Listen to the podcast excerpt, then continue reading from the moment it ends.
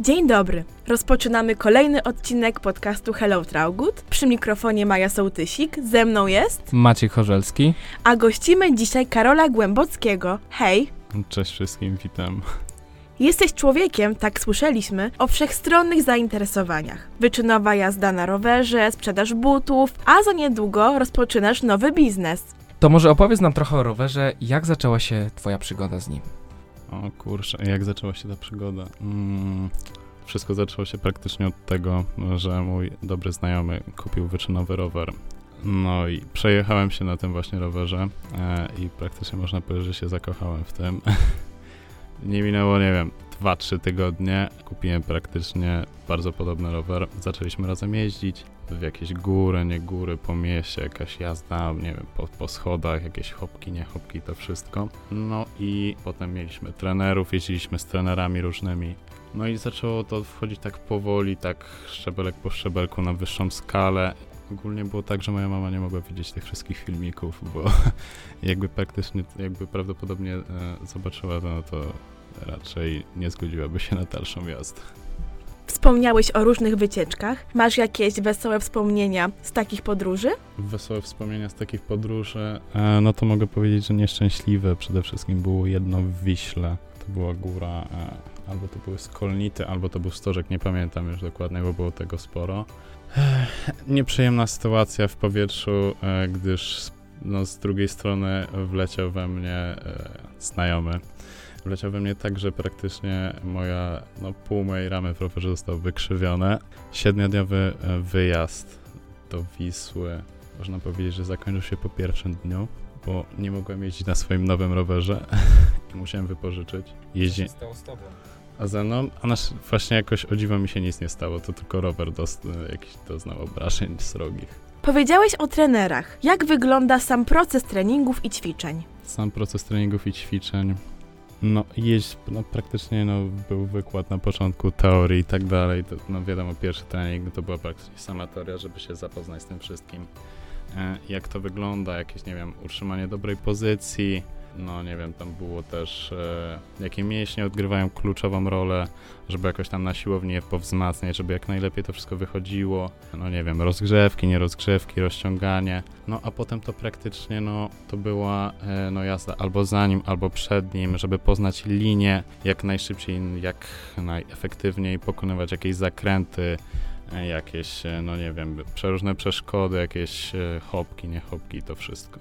Wiemy, że masz wiele sukcesów na swoim koncie. Opowiedz trochę o najważniejszym z nich. Najważniejszy, szczerze powiedziawszy, na, tą, na tę chwilę to takiego wielkiego sukcesu, z którego jakby mogę być zadowolony tak w 100%, no to jeszcze nie, nie zdołałem osiągnąć. Ale na pewno masz jakieś mniejsze, które jednak cię motywują i podbudowują w jakimś stopniu. Z takich mniejszych sukcesów, no to można powiedzieć, że dość dobrze e, szła, mi, e, szła mi sprzedaż, handel limitowanymi takimi, jak można powiedzieć, nieco ekskluzywnymi butami, no, e, handel taką też odzieżą e, streetwearową, że tak powiem.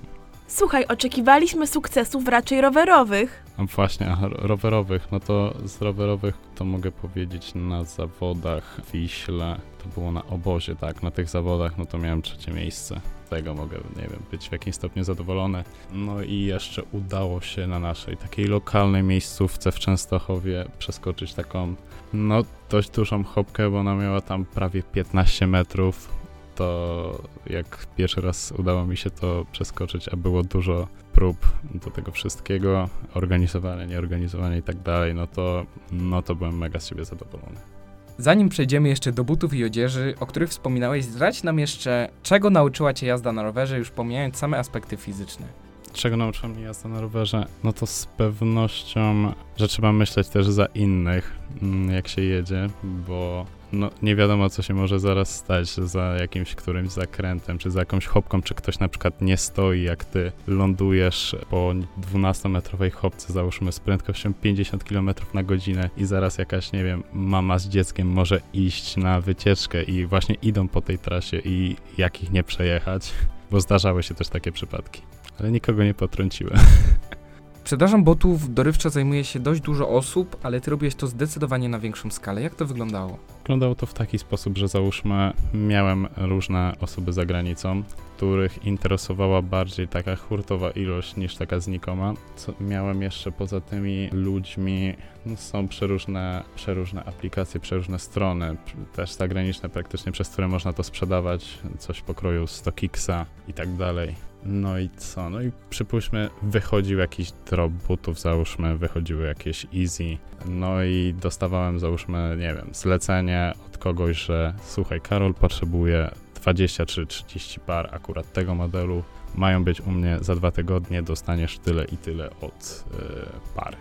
Różne były. Poza tym, no to były no, sprzedawanie przez tego z, StockXa, no to sprzedawanie, załóżmy, jak nie wiem, nakupowało się czegoś sporo, potem tego osoba z tej zagranicy nie chciała, no to ja raczej za bardzo w polskim community, że tak powiem, nie siedziałem, to mało rzeczy tam posprzedawałem, no bardziej to wszystko szło za granicę.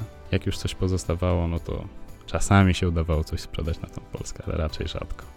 Twój profil w szkole, czyli MatGeo, w jakimś stopniu zobowiązuje do ekonomicznych rozwiązań i wiemy, słuchaj, z różnych źródeł, że kolejnym pomysłem na zupełnie nową rzecz jest pewien projekt powiązany z gastronomią poniekąd. Czy możesz zdradzić nieco więcej na jego temat? Znaczy, z gastronomią za bardzo nie mogę o tym rozmawiać jeszcze, e, bo to jest wspólny projekt z przyjacielem. No i pff, wydaje mi się, że uda nam się wystartować tym jakoś w czerwcu około. No to jak wystartujemy, to praktycznie każdy się wtedy dowie, wiadomo, ale teraz no jakby nie możemy uchylić za bardzo rąbka tajemnicy niestety. Z przykrością, ale rozumiemy. Wszystkie Twoje zainteresowania łączy w pewien sposób organizacja. Musisz wszystko monitorować, a także myślę, że tak kontrolować samego siebie. Udawało Ci się łączyć Twoje działania ze szkołą? Raczej praktycznie zawsze udawało się to wszystko jakoś pospinać. Wiadomo, że, że zawsze wszystkiego nie uda się połączyć, ale w szkole wydaje mi się, że dosyć dobrze mi szło. Nie wiem, byłem w stanie połączyć praktycznie tą jazdę na rowerze, ten handel, tym wszystkim. No i jakoś uczyć się zdobywać dobre oceny, no i wiadomo, przygotowywać się do matury, no bo to już w tym roku. W takim razie powiedz nam, jakie masz wrażenia przed maturą? Jakie wrażenia przed maturą? No dzisiaj właśnie chyba jest równe 30 dni do matury z polskiego. Szczerze powiedziawszy, to bardziej stresowałem się we wrześniu niż teraz, bo już sporo było nauki i można powiedzieć, że się pewnie czuję. Ale nie jestem przerażony, tak jak straszy nas CKE. To o tyle dobrze. Matura też poniekąd wiąże się ze studiami, a studia z jakimś planem na przyszłość. Czy ty masz sprecyzowane plany na przyszłość? Aktualnie właśnie ciężko powiedzieć. Na tę chwilę jedyne co tak można powiedzieć, że mnie interesuje, jakoś daje takiego, daje taką motywację, żeby dostać się tam, to jest kierunek lotnictwa. Konkretna, jakby konkretny fach jeszcze jakby nie jest określony przeze mnie, ale to zobaczymy co wyjdzie w praniu, czy, czy może pilot, czy może dyspozytor lotniczy, czy może kontroler e, ruchu lotniczego. No i co? No i no, chyba tyle. Czyli zmusiło cię to do zainteresowania się lotnictwem, czy jest to jakaś twoja nowa zajawka? Szczerze powiedziawszy, to jest, e, można powiedzieć, taka nowa zajawka, w którą jakby wciągnął mnie kolega, który no, lata już w liniach lotniczych od dwóch lat. Jest nieco starszy ode mnie, mała, jest, mała jest między nami różnica wiekowa. No i on jakoś zaczął mi tłumaczyć to wszystko, opowiadać o tym, no i mogę powiedzieć, że tak wciągnęło mnie to. To czego w takim razie możemy Ci życzyć? Czego możecie mi życzyć? No to z pewnością zdania matury, bo bez matury w dzisiejszych czasach to no, dość ciężko będzie. Pewności siebie i tyle chyba. Nie wiem. Czekają Cię najdłuższe wakacje Twojego życia, więc życzymy Ci także dobrej zabawy. No właśnie, właśnie, dzięki. I dziękujemy za rozmowę. Dzięki bardzo.